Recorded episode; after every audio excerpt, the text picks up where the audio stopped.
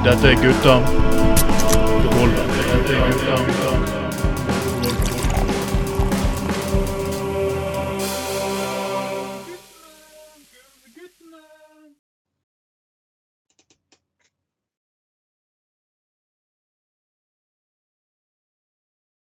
Velkommen skal dere være, folkens. Dette er Gutta på gulvet med sending nummer 16 i år. Uh, ja, uh, ja, som vanlig med jeg ønsker min gode venn og, og kollega Når kastanjene blomstrer i Bygdø allé, tra-la-la-la-la-la. mannen som har opplevd like mye flatfyll i Bergen som meg, men det er kanskje ikke så rart nå som våren kommer og ja. Ah, Og russen har bytta blitt du annons. introdusere meg skikkelig her. Jeg er Jens Borg Jensen. Nei, jeg er ikke det. Det er nok bare gode gamle Anders Skoglund, ja. I år, eh, vi har fått beskjed til kanskje ikke at vi er ganske eh, hvit, hvit pølsefabrikk, denne podkasten. Men derfor har vi tatt og gjort virkelig stas denne gangen. Ikke, ikke bare personen, ikke bergenser. Han er svenske finnmarking og muslim. Og da blåste vi liksom det barometeret med en gang. Velkommen, Farid.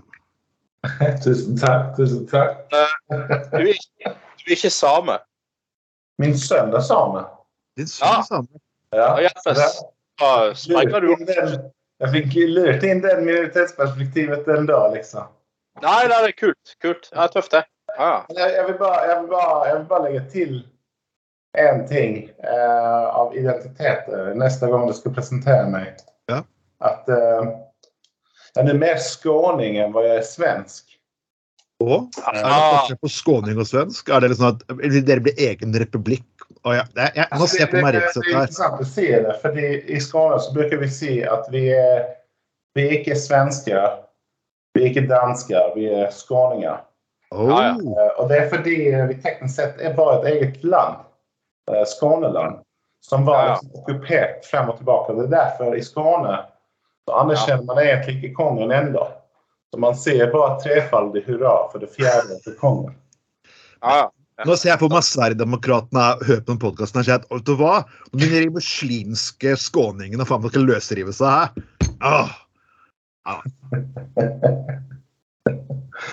Ja, det, Skåne er litt sånn belastet, da.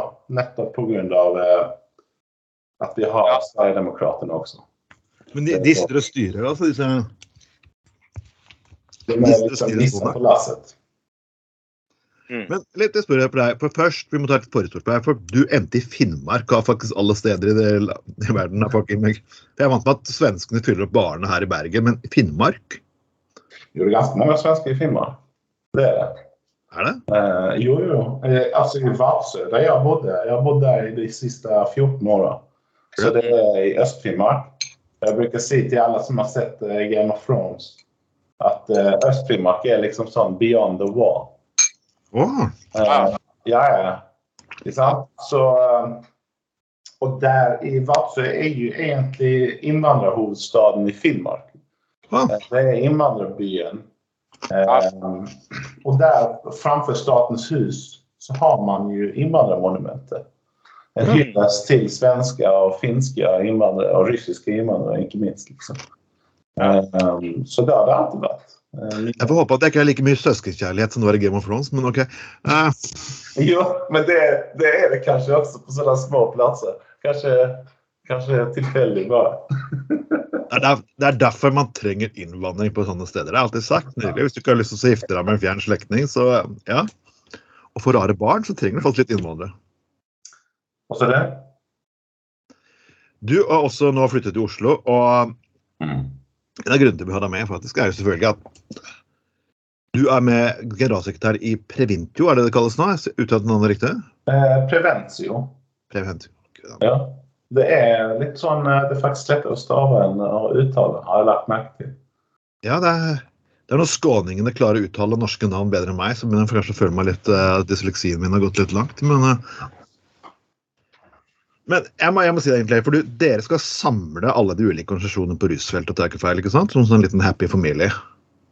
Uh, ja, så det er en paraplyorganisasjon som funksjon er å være en samlende organisasjon. Uh, vi etterstreber å samle de organisasjonene som er progressive. uh, hovedsakelig på rusfeltet, men det er også tilløpende felt. Da. Vi har jo medlemsorganisasjoner som er interesseorganisasjoner. Eh, F.eks. Eh, PIO, som er sexarbeidernes eh, interesseorganisasjon. Vi har Zoom for innsatte. Til at vi har til at vi har brukerorganisasjoner osv. Så, så at det, det, er, det er en paraply som vi Og vi har fortsatt rom for mange flere. Vi har, Ja. vi har landsmøte i morgen, faktisk. I morgen? Ja, OK. eh, 14. mai. Og eh, et av sakene er bl.a. medlemsopptak av Hiv Norge. Det er vi veldig stolte av. De søkte opptak eh, tidlig på året og har vært eh, godkjent av styret. Men det blir formalisert nå i morgen. Så det, det er vi en organisasjon i vekst også. Det er jeg ganske stolt av. Nå er Leggersen kanskje postkasten her ute mens dere har landsmøte. Men eh, jeg, jeg tenker på en ting. Jeg har jo jobbet selv litt på rusfeltet. Jeg har vært med i Normal og lignende. Det, det, er jo organisasjoner som jeg vet at har veldig mange sterke personligheter. Eh, og ganske lydhøre mennesker som ja, ja Kanskje er ikke alltid er like diplomatiske. Hvordan klarer du å samle den klubben og klyngen her og av mennesker til å ha en felles stemme? Nei, altså jeg Jeg tror at eh, en av de fordelene vi har, er at vi har et felles mål. Mange felles mål, faktisk. Um, og det som også gjør at det ikke er noen motsigelse å være i Preventio og samtidig ha ulike meninger, er nettopp at vi er en paraply som rømmer mange forskjellige ulike meninger. Det er ikke sånn at om du er medlem av Preventio, så er du nødt til å var verken sjøl var like synlig og aktiv politisk. Men du trenger ikke heller være Altså, vi har organisasjoner som kun mener at, at de ønsker avkriminalisering, men ikke legalisering av alle rusmidler. Mens vi har organisasjoner som aktivt jobber for legalisering av enkelte rusmidler eller flere. Um, og det skal det være rom for, tenker jeg. Uh, måten vi kan være en samlende politisk kraft for dem er jo bl.a. å ha eh, kjempe for saker der vi alle kan, eh, som vi alle stiller oss bak. Avkriminalisering er en sånn type sak. Det er menneskerettighetene som er den store paraplyen vår. Hvor, hvor er du i spørsmålet? Vil du ha legalisering? Eh, jeg er for, helt klart. Jeg jeg er for både legalisering av cannabis, eh, men jeg syns det er litt sånn Det er ikke noen stor nyhet. Det, jeg syns det er ganske irrasjonelt å ikke være det. Men samtidig så mener jeg at jeg også for uh, at vi har statlig regulering av andre rusmidler også. Hvordan ser du for deg en reguleringsmodell, egentlig? Nei, vet du hva, det er et godt spørsmål. Jeg vet ikke. Det er ikke min jobb å vite det heller. Um, altså, det, jeg, er ikke, er ikke nødvendigvis den som sitter på kompetansen til å i dag si eh, at denne og denne modellen er den riktige modellen vi gjør. Det er der, og jeg, jeg mener det er litt sånn irrelevant også. Om man skal få til eh, regulert salg av enkelte rusmidler, så må det uansett utredes. Altså, så, jeg, og jeg, jeg, jeg velger heller å bruke tid på å utvikle politikken eh, og, og utvikle ideen og forankre den. Um, enn å bruke tid på en, en modell som uansett må utredes. I Norge og Sverige så har man jo selvfølgelig en modell med Systembolag i Sverige og Vinmonopol i Norge. Kan det være en modell som kanskje, kanskje også putter på andre rusmidler? Det er klart det. Det er klart det. Altså det er nærliggende å tro at uansett hva vi gjør i samfunnet eh, av nye, nye ideer og nye ting som skal implementeres eller fases inn, så bygger det alltid på noen tidligere modeller. Altså det er veldig sjelden vi gjør noe helt fra scratch. liksom. Eh, så det er helt naturlig å se på den vellykkede modellen som er med det statlig regulerte salget av alkohol i både Sverige og Norge. Eh, og, og prøve å se om det man kan gjøre noe lignende. Det er vel ganske naturlig måte å gjøre. Vi skal komme tilbake litt med rusmidler, men vi kan jo ikke akkurat la vår gode medprogramleder uh, eh, Skoglund være stille i bakgrunnen der. Jeg hører han sitter og gråter i bakgrunnen og liksom skriker. Ja. Det er en ting Om vi bare kan gå tilbake til det Vi, vi, vi hopper fram og tilbake her, så dette går bra. For det, for det, jeg har bare lyst til det her med, med sånne modeller, da. Ja. Du spurte om det her med polet og sånt. Eh, jeg tenker at det man diskuterer for lite Vi må ikke komme dit heller at eh, altså jeg synes at, at ja, En måte å selge det på er på polet, men man må, jeg synes det er enda mer spennende å snakke om Hvorfor snakker vi ikke om hvilke typer varer vi skal ha Ja. for de her rusmidlene? For det er litt sånn nesten at også de som snakker om legalisering, snakker om det eh, på en måte at ok, det skal være lov å kjøpe det, men man skal fortsatt gjøre det gjemt på en måte. Ehm, så jeg syns at, eh, at legaliseringsdebatten bør egentlig handle om mer enn å bare kunne kjøpe det, men faktisk også hvordan det kan konsumeres. Litt sånn som vi gjør med alkohol. for jeg, for jeg, at jeg, jeg jeg videre, for alkohol har jo alltid blitt sånn rusmiddel som hylles til de grader. Men jeg, jeg har jobbet i utelivsbransjen selv. Jeg har at alkohol står for 95 av det bråket her på byen. Det er ikke, det er ikke kokain og hasj, liksom. Altså jeg, tror det, jeg vet ikke hvor mange prosent det er, men jeg vet at det er veldig godt dokumentert at nesten studier fra studier viser jo at alkohol er altså det, det rusmiddelet som skaper mest jævelskap og misell. Um, I omfang videre. Det er kanskje ikke det aller, aller dødeligste på kort sikt. Du har uansett en ganske høy dødelighet. liksom. Men det er kombinasjonen av mange ting som gjør den så veldig veldig destruktiv. Jeg synes det er morsomt når jeg våkner. Jeg jobbet jo selv på legevakten en dag man åpna Samfunnet i september i fjor. Og det var jo det at det var ikke masse, det var ikke masse kokainfolk som kom inn, eller cannabisfolk inn, men man, man kjørte inn bårer med folk som hadde drukket for mye, som måtte pumpes. Så det Ja, altså det er et rusmiddel som ikke minst er lett å overdose på. Ja. Eh, og det er veldig altså, Jeg syns det er litt sånn rart egentlig at vi er så dårlig trent på det. Eh, nesten alle som har alle som, har, som drikker, som begynte med det i liksom ungdomsårene, eh, har jo noen veldig sånn eh, altfor mange overlappende historier da, som man kjenner seg igjen i. Men hvordan det var de første gangene man drakk. Det var en heksblanding, og man ble full og spydde osv. osv. Um, og jeg tenker med tanke på Det burde egentlig vært unødvendig. Um, jeg syns det er litt sånn rart at vi fortsatt er der at vi har en så destruktiv introduksjon til alkohol. Det, det er jo Ja, men, det, ja, men det, det er jo en ekstremt sånn hyklerisk drikkekultur eh, i, i Norge. Mm. Eh, det er liksom det, det er Innenfor sånne fast bestemte rammer der det er virkelig lov å drikke alkohol, så er, det, er det også indirekte greit at folk drikker seg dritings og oppfører seg eh, fullstendig idiotisk. F.eks. julebord. Eh, eller andre sånne rammer, da. Det er liksom, det er litt- da liksom Ja, sant? Og, eh, eh, og, eller Ja.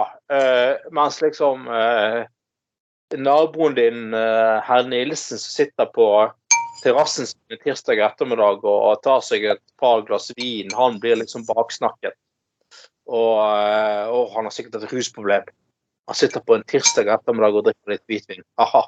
Sant? Men, men, mens, eh, sant? Eh, og det, om, eh, så det, det, det, der er, det der er, tror jeg, generelt i Norge en veldig sånn ekstremt tyklerisk tilnærming til rusmidler Mm. i seg sjøl, da. Eh, ja, og veldig dobbeltmoralsk på, på veldig, veldig mange måter. Mm. Mm. Ja. Ja, men det, jeg kan slutte meg bak mye av det du ser, særlig den dobbeltmoralen som man ser på, Ja. på, på, på rus. Men det er liksom noe spesielt med Altså, rus kommer i mange ulike former. Det liksom, Ja.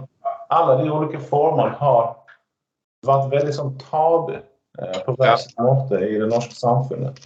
Sex er liksom sånn, det rusfølelsen du kan føle med, med, når du har sex, f.eks. Og, og tabuene rundt sex. Ting Ja. som sånn generelt gir lyst, har jo også vært litt sånn tabulagt.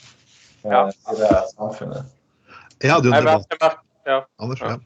Ja, nei, jeg merker jo bare på eh, min egen arbeidsplass at uh, meg og en kollega vi, vi driver jo sånn innimellom og tar initiativ til sånn klassiske fredagspilsen. Ja. Eh, men men når, vi, når vi tar initiativ til det, så tar vi også ansvar for å avslutte det. Eh, sant? Og vi er sånn at i, har vi sittet der i halvannen time, så sier vi takk for i dag. Nå er det helg, folkens. Nå er det på tide å gå hjem. ja. Altså, sant? Jo, sant? Vi, vi, det er sånn, vi skaper et rom der folk får slå seg ned, sett, slappe av, ta seg en øl eller to, kanskje tre. Men så er det liksom eh, Nå tar vi også ansvar for å avslutte dette her. Det var veldig kjekt, men nå må folk komme seg hjem til familien sin og sånne ting. Ja. Og jeg, ja, vi opplever litt det der at det, det, det er en holdning hos enkelte om at de, eh, de vil ikke være med fordi at når de først skal på byen eller først skal nyte alkohol, så vil de liksom absolutt ta det helt ut. ja, men... Det en helkveld. Er Veldig merkelig, altså.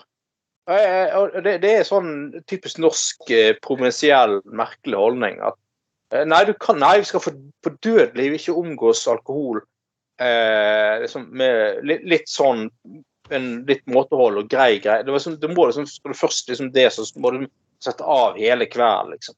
Det er veldig merkelig. Det, ja, helt klart. Helt klart. Jeg, jeg synes det var ikke morsomt, for jeg hadde en diskusjon her med min svoger om noe greiene her. og han sa at dere, cannabisfolk vil bare ha jointen deres i fred og lignende hans. Og jeg sa jo, men du, drikker jo, det er jo rus det du gjør òg. Ja, men jeg bare koser meg. Så sier jeg at OK, sa jeg. Den whiskyen du har der, hadde så du sier du fikk tre stykker av nå, hadde du faktisk Hadde jeg gitt deg et rusfritt alternativ som var akkurat samme effekten Den, den, den smakte helt prikk likt. Ville gått for rusfri alternativ, da, så. jeg. Ja, det var ikke det samme, da. Men det er akkurat det det er. Ja. Og det er jo det som irriterer meg at du sier at en form, Man sier ofte i debatten at én form for rus er helt OK, men det er bare for å kose. Men andre form for rus, det er egoisme. Det er det, det, er det jeg stusser litt på. Men jeg syns jo også hele den der greia med Altså hele den beskyldningen, liksom eh, i seg sjøl. Sånn at ja, dere vil jo bare ha jointen i fred. Altså Folk kaster seg ut det som om det er noe galt.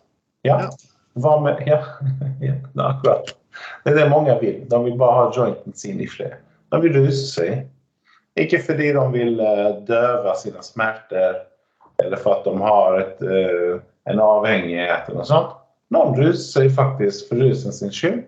Ja. De vil bare ha den eh, Og de bare vil bli latt i fred. Og så blir det liksom ändå sånn, men, men det blir, det blir det, det er nesten en beskyldning om å gjøre noe sånn dekadent. Eh, når det er noe helt naturlig å ønske seg, egentlig. Så det er mye som er snudd på hodet, altså. Og så er det så graderingen innenfor rusmidler òg. Jeg ble alltid for at jeg likte å drikke sprit, de andre likte å drikke vin, men da blir, sånn, da blir de finere. Jeg må si at Du drikker to flasker vin, jeg drikker tre whisky. OK? Er det sånn at noe en annen form for alkoholisert rus er bedre enn en annen form for alkoholisert rus? Det er mye sånn morsomme debatter innenfor rus. Jeg bare synes det er ganske interessant. Om du drikker rødvin om du, eller om du drikker faktisk billig øl fra Rema 1000, så vel, mange vil oppnå det samme resultatet uansett. Men jeg tenker liksom sånn at Altså, standpunktet mitt kommer ikke ut ifra eh, hva er nullpunktet, liksom. Eh, er det alkohol sin dødelighet og sånt? Allting som er mindre farlig enn alkohol, skal være lov. Eh, utan det er utifrån et Altså til og med om alkohol hadde vært helt ufarlig. Eh, at det hadde vært nesten omvendt, da. Eh, mellom alkohol og cannabis i farlighet og dødelighet, så hadde jeg fortsatt ment at det hadde vært riktig med legalisering. Eh, jeg syns at det blir sånn for mye Veldig mange av argumentene som man har hatt på legaliseringsfronten og sånt, eh, de er helt riktige. Men de er, de er, de er liksom nevnt. Jeg syns at en del ting som eh, man burde, burde diskutere litt mer eh, det er liksom sånn også å se det litt i et større perspektiv. Jeg syns det som skjedde i Danmark var veldig interessant. Det er to ting jeg syns var veldig spesielt. Det ene var jo at de hadde en veldig progressiv hovedstad lenge. En Mm. borgmästare som ville um, ja, göra omtrent det Oslo gör nu. Ha en egen liksom, uh, ruspolitik. Uh, det andra var ju att bönderna uh, insåg att de, gick, de tappade massor av pengamöjligheter. För att de inte fick uh, varken odla hampa men heller ikke eh, ta del av det europeiska medicinska cannabismarkedet. Um, altså det der, det der det, jag tror det, det er det som må til, egentlig, i Norge. For at man liksom i større omfang skal begynne å se på, på, eh, på legalisering i en større bevegelse i, i Norge. Det, det jeg syns man man kan se til bøndene, det er at OK, nå har dere fått et uh, historisk uppgör i lantbruksoppgjøret. Um, men bør man ikke fremover kunne forvente at de også själv er pådrivare for det som er mest, eh, vad ska man si, det som gir dem best avkastning også. Og der er cannabis og hampa og sånt ting de borde kjempe for. Det er masse ekonomiska intresse for dem som bönder. Ja, for hamp går under og Det er jo egentlig et rusmiddel, men det er bare samme plante lignende. Så det er jo litt rart, egentlig. Ja, det med hampa er nesten bare hysterisk, fordi hampen, eh, den industrielle hampen, der, der har du bare diskriminert en plante for hvordan den ser ut. Mm. Så det er jo bare helt irrationellt. Vi skal gå litt videre i sakene her. og Det er at vi har, det er jo alltid morsomt. Instruksjonen av gjest blir alltid morsomt. Når det kommer til rusmidler, så blir vi selvfølgelig alltid veldig engasjerte. Vi skal bare gå litt videre, for at uh, Litt av at det skal være et valg i Sverige nå.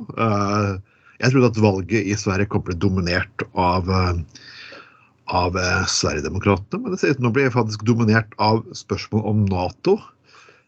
Yay! Sverige med Nato. Ok, for det gøy.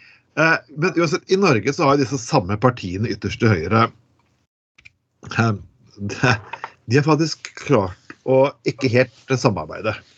Eh, de, de, de krangler ofte hvem som skal være kongen på haugen, eller rettere sagt føreren på haugen. Og nå er demokratene kastet sin egen partileder. og jeg, jeg, ser saken foran dere her. Partiet fikk i Norge Det, det, til, det er partiet som tilsvarer det svenske Sverigedemokraterna. Nei, nei. Ikke helt, da. Men jeg har fortsatt. Ja, det, det, ja, men bare fortsett. Ja. Jo, jo, men jeg vet, at Demokratene har jo hele tiden lenket til Sverigedemokraterna på sin nettside og sier at dette er, dette er deres forbilder, bla, bla, bla. Ja, ja, ja. Så det er, det, er, det er, derfor jeg nevner det. Men, eh, men du kan ikke si, hva, hva er forskjellen egentlig? Jeg, jeg, jeg vet ikke. Altså, jeg vil jo Det er veldig interessant. Det du kan si, er at Sverigedemokraterna er mye verre enn Demokraterna. Oh. Uh, ja.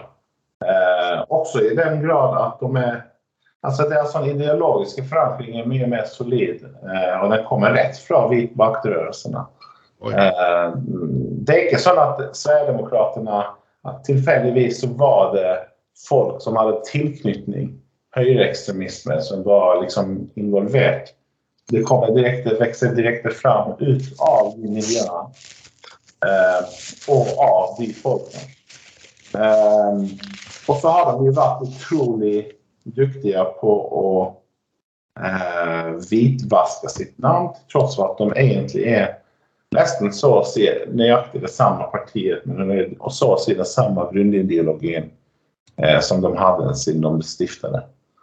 Uh, de kom direkte fra nazier, dette husker jeg faktisk ganske godt, for det var jo mye å skrive Det var partileder Jimmy Åkesson Uh, när han gick med i partiet så stilte folk upp i naziuniform på partimötena. Eh, så att, ja, du får själv eh, vurdere hvor lenge sedan det er. Då. Folk har jo ganske kort, bare, kort hukommelse når det kommer til sånne ting. Jeg tror kanskje det hadde vært litt verre hvis du gjorde den tingen her i Norge litt pga. vår historie med det. Men, altså, Ja. Anders? Ja. Ja, nei, altså, det, det skiller jo alltid Norge og Sverige, dette her at uh, Sverige har jo aldri hatt et uh, Fremskrittsparti, sant. Uh, altså, Sverigedemokraterna er vel et relativt nytt politisk fenomen i, i Sverige. Nei. Uh, Ikke det? Har de eksistert veldig lenge? Ja, okay. altså, Sverigedemokraterna har for det første funnits ganske lenge. Uh, Ja, men för som- Sverigedemokraterna så har det jo vært Alltså, det, det man må huske på er nazistiske krefter og vita Ja. Maktkrafter har vært ganske sterke i Sverige lenge. Ja, ja. Ja. Nei, fordi at uh, Altså uh, men- ja, ja, ja. Men har det noe med å gjøre med at uh, at Sverige var nøytral under krigen? At det ikke ble tatt et like oppgjør på samme måten som det f.eks. ble gjort i Norge?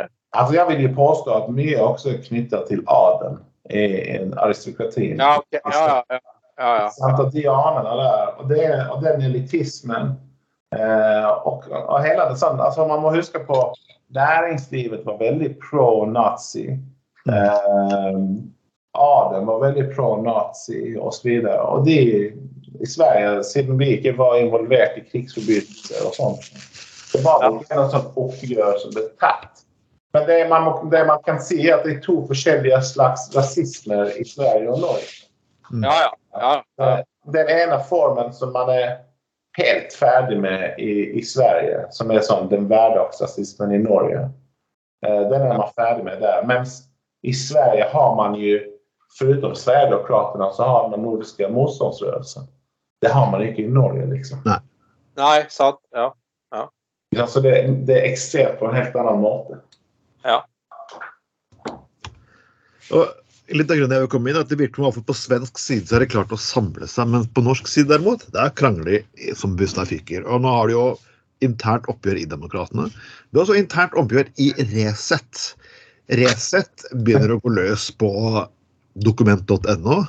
Oi. Yes.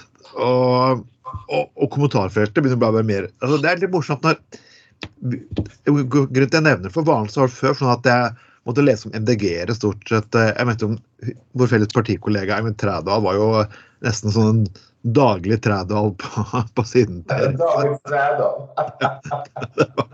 ja. Og, og de som kjenner Eivind Trædal, vet at den personen backer ikke ned når det kommer til partiet. Tvert derimot. Men nå begynner de å krangle med hverandre. og jeg, jeg bare liksom en liten runde her. Hva tror du at det, det enorme interne krangelen her liksom, Du skulle liksom tro liksom, Når de fikk 1,1 begynte å komme litt opp på meningsmålingene, og lignende hans, så skulle de klare her å samle seg til en bevegelse. Men det gjør de ikke. Hva, hva kan det være grunnen til?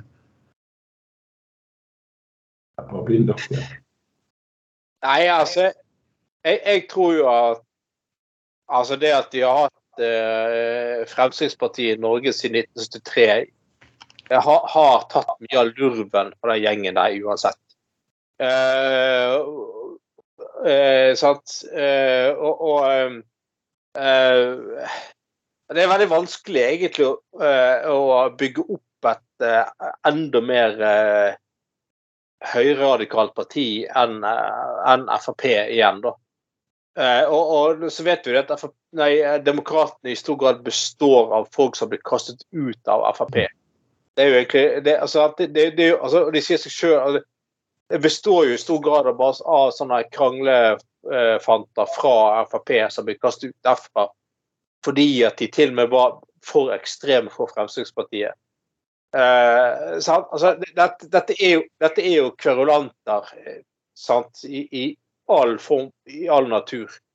Eh, og, og at de ikke klarer å bli enige og krangler og holder på, ja, det skjønner jeg jo jævlig godt. Og det, sånn er det i alle populistiske partier. Sant? Sammen med bompengelisten, sant? Så, eh, eller de der eh, som nå heter Folkets parti. Ikke det? Jo. Eh, eh, Hvilket folk? ja, ja sant. Eh, Men, sant, de, men de klarer jo faen ikke å velge en leder for eh, FNB i Norge. De må ha to ledere, for de blir ikke, klarer ikke å bli enige om én. Og, Altså, det er jo helt patetisk. Det det er jo så teit, eller greier. Og det, det, det er jo samme med uh, sant? Husker, husker uh, Norges kommunistiske parti gjorde et veldig bra, uh, ganske bra valg faktisk i, i jeg tror det var 2003, mener jeg å huske. Altså Da klarte de å gå fra å være et promilleparti til et prosentparti, i hvert fall. Eh? Og liksom de eh, gjorde gode sånne skoledebatter og sånne ting. Eh, men, men så gikk det jo bare noen uker og så ble så, så, så liksom eh, ble disse her eh, uenighetene på sånne studieringer ble så stor at liksom, he, hele, hele, hele liksom, veksten bare brøt sammen igjen. Da. Så det, det er et eller annet med sånne ytterliggående partier, altså. De har ingen evne til konsensus eller samarbeid. og Det, det gjelder både ytre venstrefløy og høyrefløy. Eh, jeg tror det handler jo om at de ideologiske er jo fascistiske folk. Ja. Og de er, de er ja, i det minste kan man jo si at de alle er autoritære til, tilhengere av uh, autoritære personer. Ehm, och da, de prøver å forene to ting som ikke er forenlige. De prøver å etablere noen slags politiske organisationer eh, som skal fungere på en måte demokratisk. De skal velge en leder og ha vedtekter og ha landsmöte osv. Eh, samtidig så er de både ideologisk og verdimessig bare sånn tuftade att det ska allting centreras rundt en strongman. Ja, ja. mm. Og, så, og, så kommer da de her konfliktene. Eh, veldig raskt egentlig. For det blir liksom sånn at eh, Nei, de får ikke gå ihop. Eh, og så lenge det ikke, og så fort det blir to forskjellige retninger, sånn som det er med de her demokratene, da, der noen vil at de skal være eh, antiglobalistisk folkeparti, eh, mens, eh, mens han her eh, Ugland ville, ville kalle at de skal bli mer som nasjonalistisk parti. Uh, skit uansett, liksom, om du spør meg. Jeg synes det er to sider av samme sak. jeg, vet, jeg vet ikke hva antiglobalistisk egentlig er for noe lenger. For har, sånn, Har du, har du vært borti et antiglobalistisk eh, liberalt folkeparti? What? Nei, det har jeg ikke det. Nei, det, det høres ikke bare Ja, OK. Så eh, nei, det er oftest, eh, det er oftest samme folkene som er antiglobalister, som er nasjonalister også. Jeg, jeg, jeg har alltid vært interessert i hvor inkonsekvente disse partiene egentlig er. for jeg, de, er de hater venstreradikalt. Alt er venstreradikalt. Om du bare sier noe, så er det venstreradikalt. Men når det kommer til økonomisk politikk, ja, da vil de faktisk ha makspris på strøm. Og siden Norge eier oljeressursene, så skal alle nordmenn få billig bensin. Og, ja, det, er bare, det er bare alle de andre som skal betale dyr olje. Vi skal nesten få det gratis siden Så det er sånn, OK. Altså, de har Det var ikke veldig mye Det var ikke mye høyrepolitikk der på hvert fall økonomiske feltet, i hvert fall. De har jo ingen peiling. Altså, de fleste mennesker eh, tror at det å drive med makroøkonomi det er det samme som å husholde med egen budsjett. Mm. Eh, så de, de, de har ingen forståelse for, for liksom eh, hvordan samfunnet går rundt og hvordan det fungerer og det finansieres og sånt. Eh, de er i bunn og grunn tror de på en veldig sånn forenklet narrativ.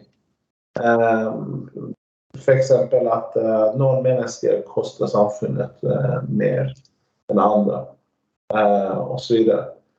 Helt irrasjonelle, virkelighetsfjerne narrativ som de tror på. Men det forsterker sen helt holdent eh, alt annet og hvordan de filtrerer verden gjennom, gjennom de narrativene.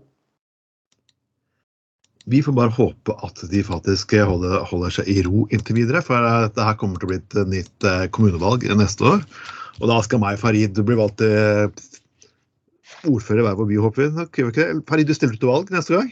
Nei, jeg er ferdig med politikken. Det vet Nei, men- Nei. Du kutter ikke politikken helt. Partipolitikken, jo. Altså, jeg er veldig politisk. Jeg er vel like politisk nå som jeg har vært noensinne før. Ja, ja. Men eh, när jag eh, tackade ja till stillingen som generalsekreterare så samtidigt eh, gjorde jag det också klart att jag trakk meg fra allting av politiske verv. Eh, fordi det er ikke forenlig, rett og slett. Jeg skal Bare, bare, bare, tenk, bare tenk hvor gøy vi kunne hatt det. Deg, Lan Eivind Trædal si at vi skal ta makten i Oslo. Herregud. Dokument.no-folk hadde jo fått hjerteinfarkt hele gjengen. Jo, men ja, jeg syns jeg kan plage dokument eh, også fra den posisjonen jeg er i sivilt samfunn også. Eh, jeg tror jeg klager ganske både dem og mange andre. Eh, ganske mye der jeg er nå. Så det jeg tror at eh, posisjonen, posisjonen som jeg har nå, er overhodet ikke noen sånn eh, jeg anser ikke det som en sånn mellomstasjon. Eh, Jeg syns det er en veldig spennende posisjon å være i på mange måter. Noe jeg har jobbet Jeg har liksom jobbet for en sånn her mulighet lenge. Eh, Så er ikke beredt å, å, å bytte den heller ut eh, med det første med noe annet heller. Derimot så er det en, en stilling som er veldig politisk samtidig. Det er derfor jeg trives med den. Eh, Jeg driver og jobber både opp mot MDG veldig aktivt. Et parti som jeg mener har gjort det har vært en av dem som skilt seg positivt ut i det siste. Mm. Uh, Med tanke på ting som Preventio prøver å sette et søkelys på. Bl.a. det her med rusreformen. Da. Og ikke minst politiskriminalen. Um, og der må jeg si at det er kudos til MDG. Eh, Yay! og gratulerer til Arild som, som vant uh, på, tok, gjenvare på vann Mm. uh, som nestleder. Eh, for det er han som også har vært tydeligst av, av politikerne på nasjonal nivå eh, i forhold til hvor går grensen. Eh, hva er greit og hva er ikke greit. Så da tenker jeg særlig på det her med Benedicte Bjørnland f.eks. Jeg syns det er helt utrolig at eh, vi har en politidirektør som tilsynelatende kan se, til, se ut til å gjøre akkurat hva hun vil. Mm. Eh, bryte hvilke kutymer, hvilke regler som helst. Eh, og ser ut til å kunne beholde jobben uansett. Og viser overhodet ingen som helst eh, ingen som helst tegn til anger eller refleksjon eller ydmykhet. Det er altså damen som så sent som i høst nå, eh, og det er takket være de helt utrolige gravene i narkotwitter som bare fanger det her med seg opp. Landsmøtet til eh, Politiets Fellesforbund, Ja. der hun holder et innlegg, og de spiller det inn og legger opp på, på, på YouTube. Og det her er altså når, når ting, ting har stormet en god del rundt politietaten og rundt henne spesifikt. Og hun har, hun, hvor usynlig føler man seg ikke da, når man går opp og tegne et bilde av media til å være konspiratorisk, eh, der hun egentlig svekker integriteten til en rekke sånn gravende norske journalister Mm. der hun langt på vei eh, sympatiserer med de stakkars folka fra NNPF som har hatt det veldig vanskelig og hardt og tufft osv. Um, altså Helt usjenert. Eh, og, det var ikke ment at det her skulle være at det var ikke noen lekkasje eller noe sånt heller. Dette var et offentlig innlegg. Um, denne personen er det ingen av politikerne som har, eh, har, har tort å si at, hun, at de ikke har tillit til lenger. Foruten Arild Hermstad. Så det, det er terskelen i lav, men han er jo fortsatt den eneste som har tatt skrittet over den terskelen. Det høres bra ut. Eh, vi skal gå litt videre her, faktisk. Og vi selvfølgelig Vi vet jo at, vi vet jo at Bjørn Tore er på Vår relasjon mellom Bjørn Tore Olsen er, gjør mange, mange rare ting.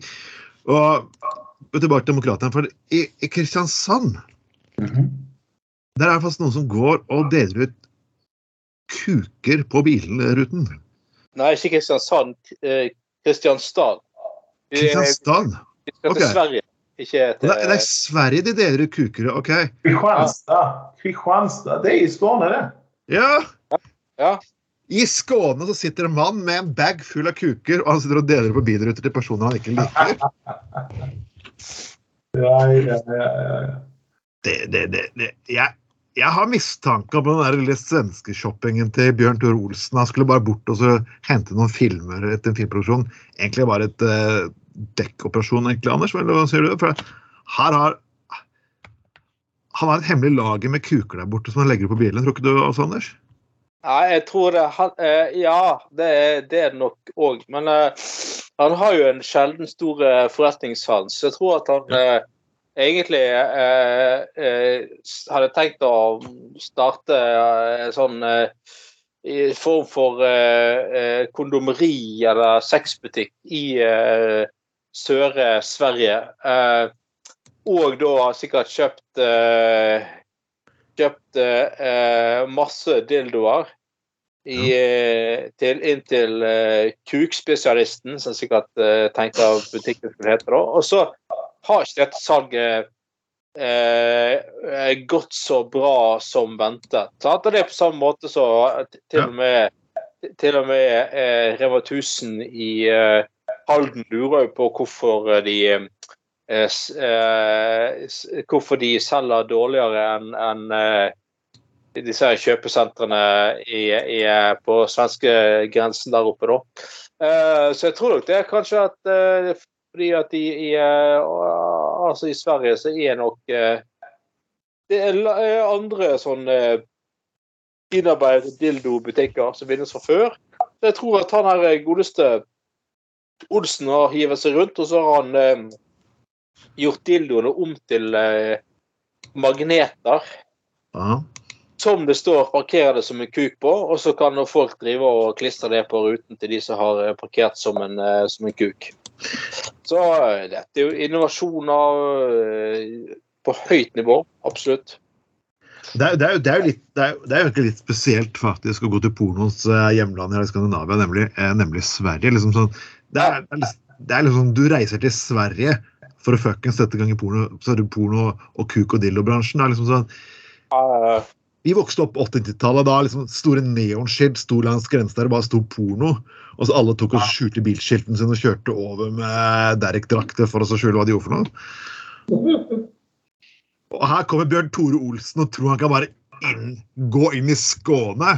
Og er en fremmed nordmann fra, fra Bergen liksom forklare skåningene hva, hva porno er for noe. Nei, ja, til, til, til og med eh, altså helt frem til det ble lovt å vise såkalt eh, kjønnsorgan i bevegelse i, på film i Norge, eh, så, så drev jo svenskene sånne svære pornokinoer rett over grensen. Mm. eh, og, og det var helt normalt. Altså, folk tok jo eh, en helg i, i Svinesund og kun så på porno. og Det, det, det er mye sånn vitser på, på, på eh, Fleksnes, for eksempel. Eh, folk som tar toget til, til eh, Sverige fra Oslo, da, til Stockholm eh, fra Oslo på en, eh, på en fredag. Sant? Så er det liksom sånn eh, eh, er det mange av de som bare skal bort for å rett og slett gå på sånn porno Og kino. Og det var forbudt i Norge på den tiden, da.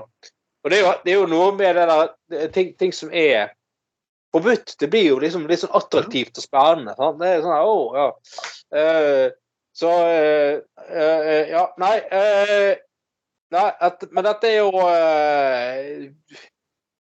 Altså, tenk å få kontrakt eh, på sånn parkeringsselskap på liksom at din løsning er i stedet for å dele ut bøter, så bare Nei, vi rett og slett bare legger en sånn eh, magnetdildo på ruten og sier at han her, her har man parkert som en kuk. Det er jo eh, fantastisk. Uh. Jeg, jeg, jeg syns det, det er fascinerende faktisk at du går til inntrykk at du faktisk betaler penger for å så, gullfile kuker og faktisk setter i ruten til folk. Mm. ja, ja, ja, ja.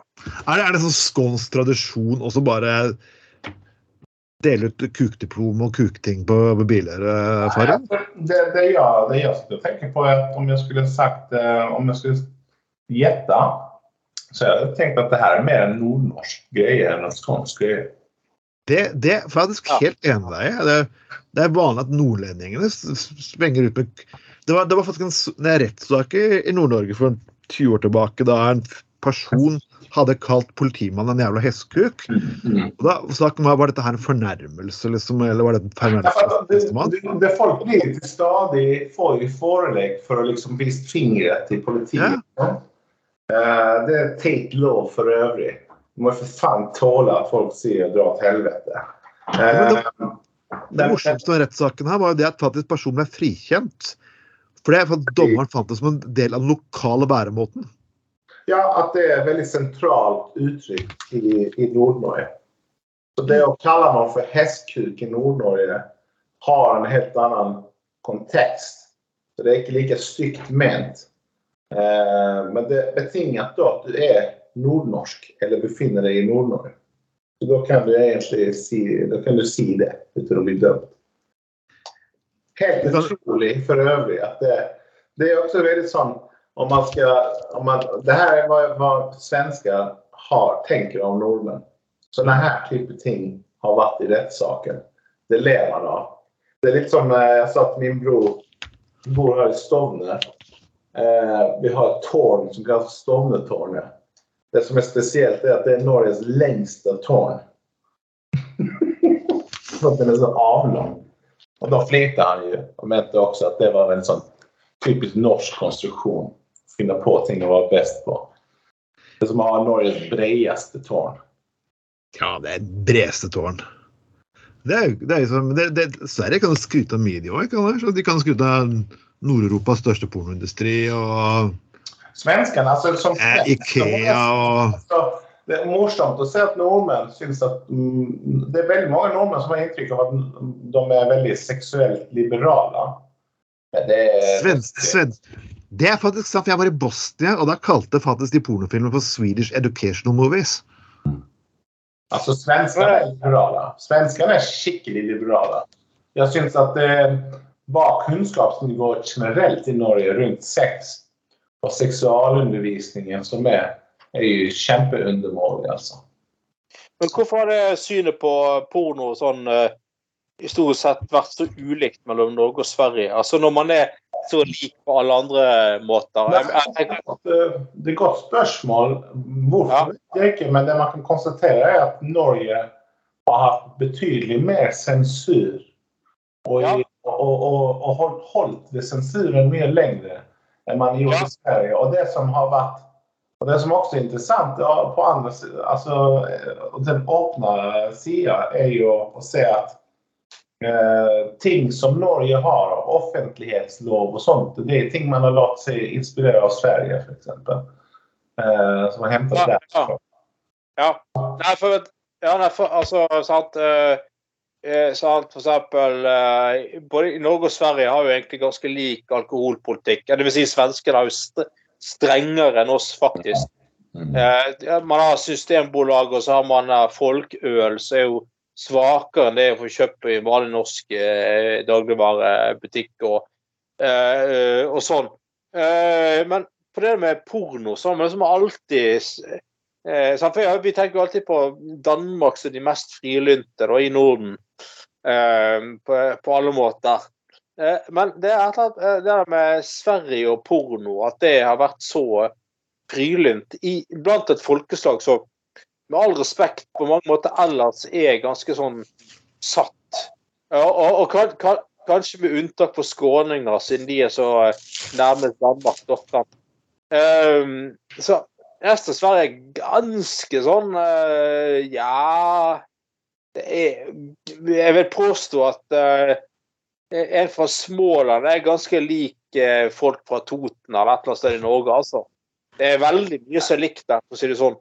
Det kan nok stämma. Alltså det, det gör nog. Vi har ju våra, vi har ju våra olika slags folk. Eh, Det som är kanske lite sånn speciellt med Sverige är väl att vi har en mye större adel i den grad Norge har en adel i det hele tatt. I Norge så ble faktisk adel forbudt, eh, adelstitler forbudt etter Grunnloven i 1814. Ikke sant? Eh, og det har det aldri vært i Sverige.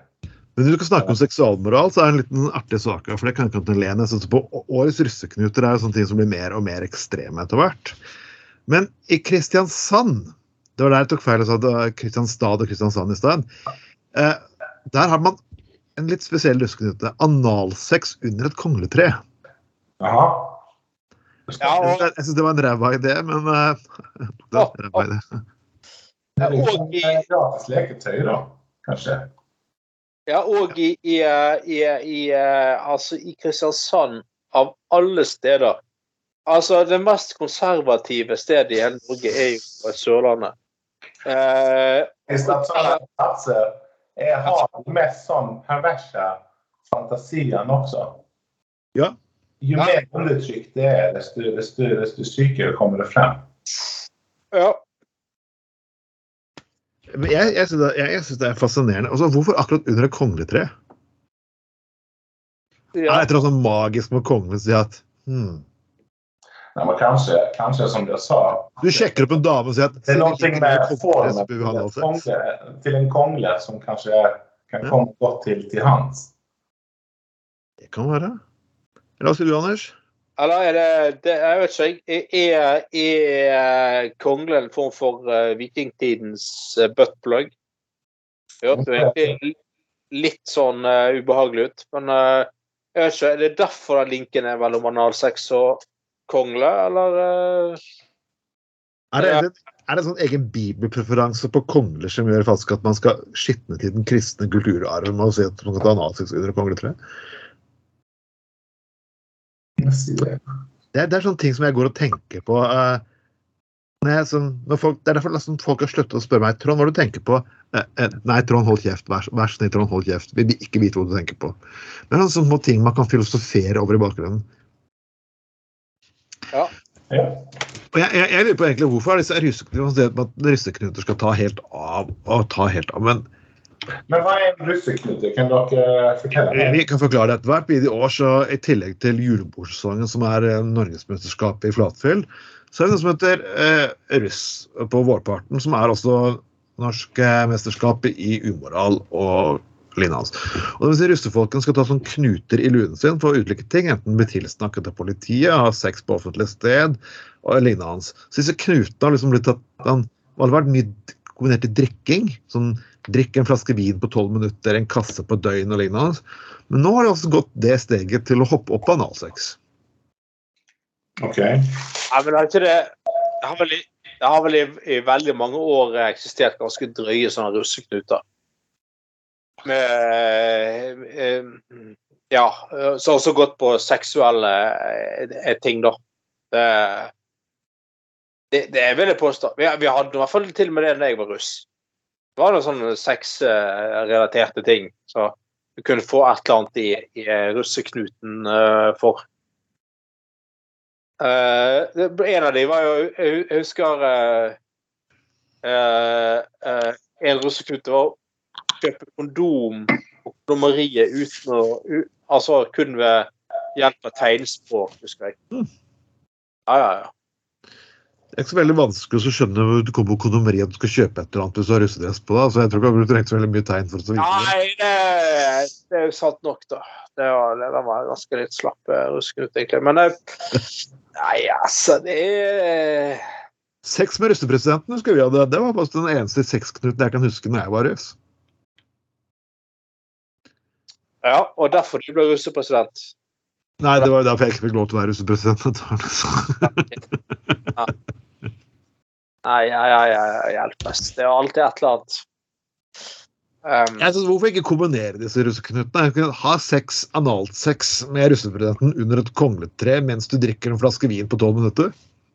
Men jag trodde helt seriøst eh, at eh, analsexet og kongletreet hang sammen.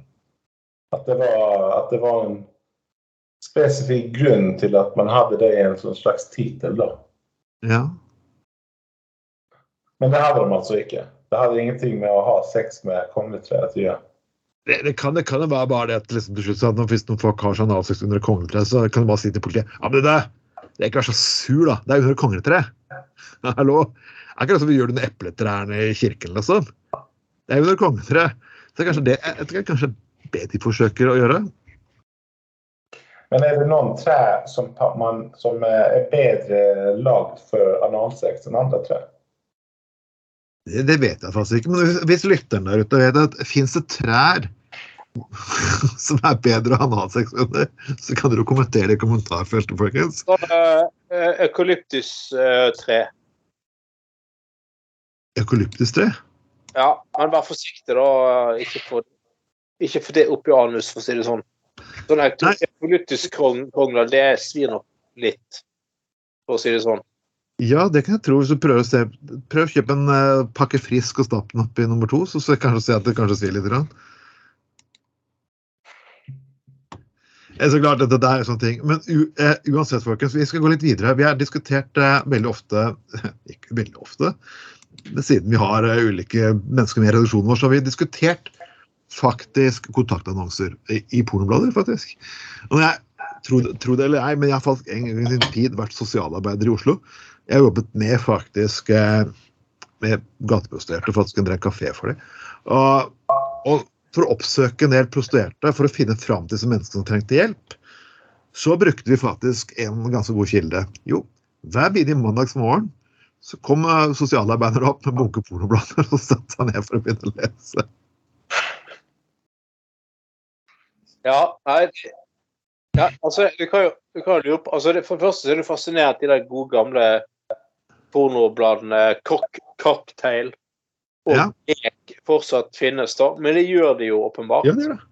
Eh, og eh, det fins fortsatt folk som da eh, går på Narvesen for å kjøpe pornoblad, fordi at da eh, kan de kjøpe cocktail eller lek da med pornofilm-DVD i pornobladet. Al- Altså, det er åpenbart enkelte som ikke er så analoge at de da ikke bruker internett, men de kjøper faktisk eh, pornoblad i, i butikken. Og kanskje det er en viss sånn spenning for enkelte, det er liksom at eh, det på en måte så er det litt sånn det er jo litt for lett å bare laste ned porno på nettet. Så bare det, For da kan du få hva du vil. Jeg får en surprise packet. Får jeg den Får jeg den Ja. filmen Bjørn Tore Olsen som vi håper på? Uhu. det er sånn, eh, nettopp det blir sånn Kinderegg. eh. Altså, det er sånn Å, eh, vi lurer på hva slags type porno det er eh, denne uken, og, og sånne ting. Uh, men det, det er jo også sånne sexkontaktannonser i disse bladene. Og uh, uh, ja, så jeg lurer veldig på om hvem som egentlig står bak bokstavelig talt står bak disse sexannonsene, da. Um, det, det, altså, nei, altså, det er liksom Har virkelig Altså, her eh, er det én, for eksempel, så er det Hei, menn. Her mangler det en kuk i fronten. Så vi ønsker en slank fyr med villig kuk som kan kose seg i trekant med oss med damen i midten. Vi er 45 og 46 og ønsker at du er ca. det samme. Så kan vi jo lure på hva, altså Er de 45 og 46 cm høye, eller hva mener de med, med det? Men det kan vi jo, eh, det kan vi jo lure, lure på. Og så det er um, en til. Hjelp, med store bokstaver. Hjelp! Jeg er så innmari kåt, og jeg trenger skikkelig kuk. Og en Mm. ekte runde med rått knull. Kontakt meg, kontakt meg om du er en mann med hardt jern, rundt 35 år gammel og tåler en kveld med hardtrykk. Oi, oi, oi. Ja. Oi, oi, oi. Oi. Her er ting Real, Reale, erfarne swingers her. Gift par i mange år og elsker å svinge. Blir aldri for gamle for å være kåte, og vi møter gjerne yngre par for en deilig opplevelse. Alt er lov, og vi er bifile. Uh!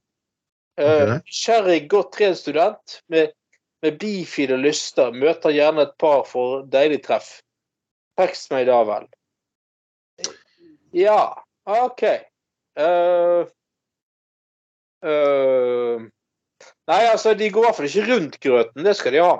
Nei, det, det, Det, Det- jeg husker den gangen faktisk at kontaktannonsen var sånn litt sånn skam og fy, fy, fy. Og liksom Å nei, det var bare desperate folk. Nå har det liksom blitt sånn like allment som uh...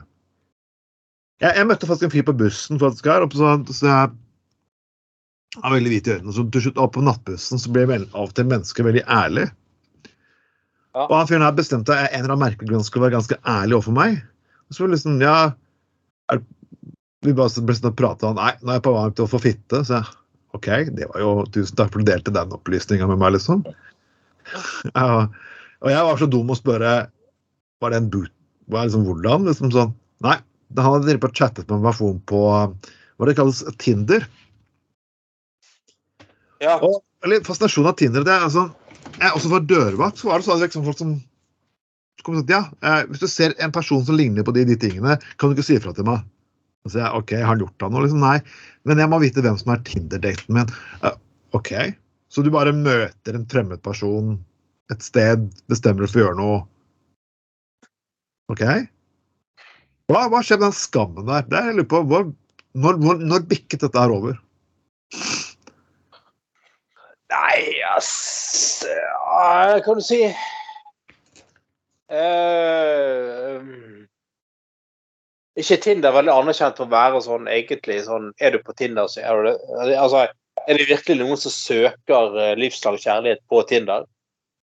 Eh, jeg har aldri vært på Tinder sjøl, bare så det er sagt. Eh, Men eh, Du har ikke besteget de Tinder, nei? Jeg tok med meg isøksen, men eh, det ble ikke noe bestigning likevel. Eh,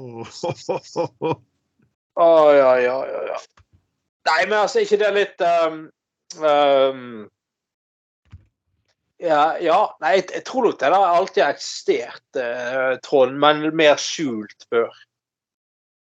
Eh, altså, folk Det er ikke bare det, det, er det er skjult. Folk snakker villig om det, som gjerne til helt fremmede personer. Jeg hadde, jeg hadde aldri møtt disse personene faktisk hver kveld. Men, eller, nei, jeg skal møte sånn, jeg skal møte sånn, jeg skal gjøre sånn. Jeg skal opp til en tilfeldig person sånn. What? Ja. OK. Men hva hvilket alderssjikt var de innenfor, da? Var det liksom gamle folk, eller var det Det her var helt ganske unge mennesker. Ja, jeg tror det er ganske vanlig, egentlig.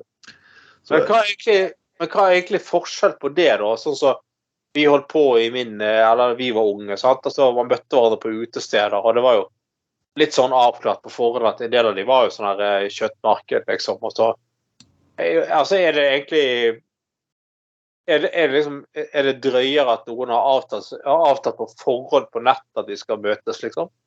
Enn at man bare møtes på en annen veldig men vi, vi, vi ble jo virkelig invitert en gang. Vi skulle ikke Anders, skal for den fortelle morsomt der. Meg og Anders ble invitert faktisk på å delta på gruppesex. Ja, ja, ja, stemmer. Det var, Rett etter en Maiden-konsert. Ja, det var eh, nydelig. Eh, fantastisk. Hvorfor slo vi ikke til på det? Jeg var jo singel på den tiden. Ja, det var kanskje at jeg ikke var singel på den tiden. og kanskje hadde noe å gjøre Vi hadde, vi hadde en promille som faktisk var høyere faktisk enn Eiffeltårnet, men det var noe sånt. Ja, ja faen. Det er jæv... Å, faen, det er uflaks. Det er jævlig det var, okay, jeg tror ikke om og si at Hadde det ikke vært for deg som ville deltatt i gruppesex, Anders Det er det, det er det bedre at man sitter med deg innenfor mange. Du kunne deltatt i gangbang, hadde det ikke vært det jeg var en partypooper. Ja, det var- å, faen. altså. For en gangs skyld, liksom. Her har du liksom drevet og slengt kuken i et biljardbord liksom, og holdt på. Men den ene gangen, nei. Ja. Nei, nei, nei. nei, Jeg har aldri slengt kuken min på et biljardbord, men det. Ja, hvis faen hadde gjort. Det, det må huske på det at eh, jeg var edru, det var ikke du. Det er veldig signifikant forskjell på det. Eh, tross alt. Husk det. Jeg var ikke full, jeg var bare beautiful, som du sier. Ah, ja, ja, ja. ja, ja, ja. Var, Det kan, det kan kanskje ha noe med det at det var fem andre personer som skulle også være med. og Det var ikke ja, Anders, det var, det var fire-fem menn pluss ektemannen og eh, ja. ja, nei, jeg, jeg ser den. Eh, Det har, det har, vært- det har, vært- det har vært litt kjedelig å stå i kø. Eh, altså liksom, når du først uh, kommer frem til uh, en- Endelig du får lov til å stupe for femmeteren, liksom, så har det vært uh, fem andre der før. Det er ikke så kult. Det er litt sånn Ja, nei, og så må du stå bak andre menn som driver og fiser og lukter og Nei, nei jeg, Teller seg nesa, klipper neglene sine og stusser på stakene. Ja. Nei, egentlig var det egentlig jævlig greit at ikke det ble noe av det opplegget der. Det, Så, så, er det sånn samtale liksom, når, du, når du står på noen gathering som ellers, så kan du også småprate. liksom, sånn, Hva står det liksom, Når det står liksom køen der bak fem andre menn, så er det bare står og småprater om liksom sånn Ja, jeg ser det var på kondomeriet og kjøpt uh, splitter nye Bjørn Tore-kondomer, se. Uh, du kan liksom ikke det heller, liksom. Du spør, du spør vel eh, hva de sikter seg inn på Ja. fra kroppsdel, f.eks. Det er vel eh, Man prøver å finne noe eh, ingen andre har vært. Og, og altså et, et, tørt, et, tørt, et tørt sted med hud. Mm. For, Ja. Det er vel, eh, tenker jeg en naturlig ting å begynne å diskutere. Ja, nei, eller har du vært der før? liksom? Hvordan gikk det sist? Gjør du det her ofte? Jeg må jo ta igjen uh, Funker, funker det med foten?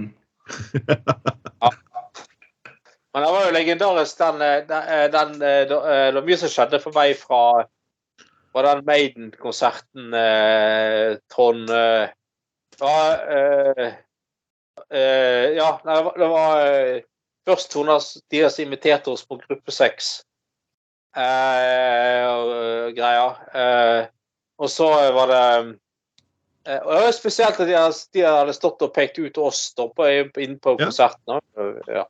Men så da når vi var, så endte vi opp på legendariske stedet Garasje i Bergen, som nå er lagt ned for lengst. Og da, eh, da når eh, eh, Ja, nei, det var da når, da når eh, meg eh, og deg, Trond, og så en, eh, en god annen eh, kamerat som ikke vet om vi skal navngi i denne sammenhengen. Vi var jo på da, Garasje etterpå, og han Ikke deg, men han andre, altså. Dere var jo for så vidt like indisponerte begge to. Men han andre, han møtte jo sin kjære kone, som han nå har to barn med og alt mulig. Han møtte jo henne da i, på utestedet Garage fullstendig indisponert. Ja. Og Nesten evne til å stå på egne bein. Uh, og det, og det skje, skjebnens, eller skjedens ironi, uh, eventuelt, i dette her, var jo at han sto den kvelden så sto han og klagde. Ah, 'Det er ingen damer som sitter og ser til meg. Ingen vil ha meg. Uh, Jeg er dømt til et liv i ensomhet.' og Um, nei, eh, ingen som er interessert. Det var bare driter, liksom. Nei, nå har jeg vært singel så mange år. Nå gidder jeg ikke mer. Og så liksom Altså, stå på garasje. Altså, for fullt å stå på egne bein inni et hjørne der. Der kommer hans livs kjærlighet og sjekker han opp. Uh, og, og liksom uh, jeg, jeg sto jo og passet på han der fyren. og og hun liksom begynte å snakke til henne, og han fikk, hun fikk jo ikke noe spesielt interessant i respons i det hele tatt. Um, og det, det første han sa til henne, var liksom 'jeg må spy'. Mm. Og så kunne hun, det hun tatt det som et dårlig tegn på at hun, han ikke syntes hun var så veldig pen. eller noe. Men øh, øh, øh, han ble med henne hjem, og han, han ringte meg dagen etterpå for å spørre om jeg kunne huske hvordan hun så ut. Oi. Og da har han allerede hatt en one night og gått fra henne om morgenen og sånn. Så det er jo eh, Det må jeg virkelig si. altså Det er av og til skjebnens ironi. Du står liksom og klager på at nei, du går slett og Da har du liksom datet andre damer har laget eh, biff og middag og blomster og Ja. kjørt på og prøvd vært så frempå og velkledd og alt mulig. Så liksom han liksom henger bevisstløs i et hjørne. Nei, da liksom, da skjer det. Eh, Det er jo fascinerende. Det er fascinerende, altså. Og på den bølgen så kan vi si eh, avslutte denne eh, versjonen av Gutta på nummer 16. Dette har vært med Vi er 16, Anders, er vi ikke det? 16? Jo. Ja, noe sånt. Jo, vi er 16. Du kan høre oss på, ja, på Soundcloud, på Spotify, iTunes, Overcast, Pocketcast, stort sett alle eh, tjenester som egentlig eksisterer der ute. Så mitt navn er Trond Atten Tveiten. I dag har vi hatt også med oss Farid. Mm. Takk for deg, Shar... OK, du heter eh, Shari... Ok, Så jeg klarer ikke ut av navnet ditt. Jo da, nesten. Kom igjen. Shari... Sharati? Nesten. Shariati. Shariati. Farid Shariati. OK? Å, wow. Og som alltid min gode venn og kollega Og når kastanjene blomstrer i Bygdø allé Tra-la-la-la-la Nei, det er ikke Jens på grensen. Det var faktisk kun Anders Skoglund denne gangen òg. Det var Ja. meget. Ja. Ha det bra, alle sammen.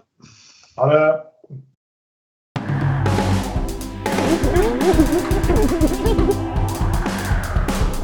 Du har lytta til Gutta på Golda.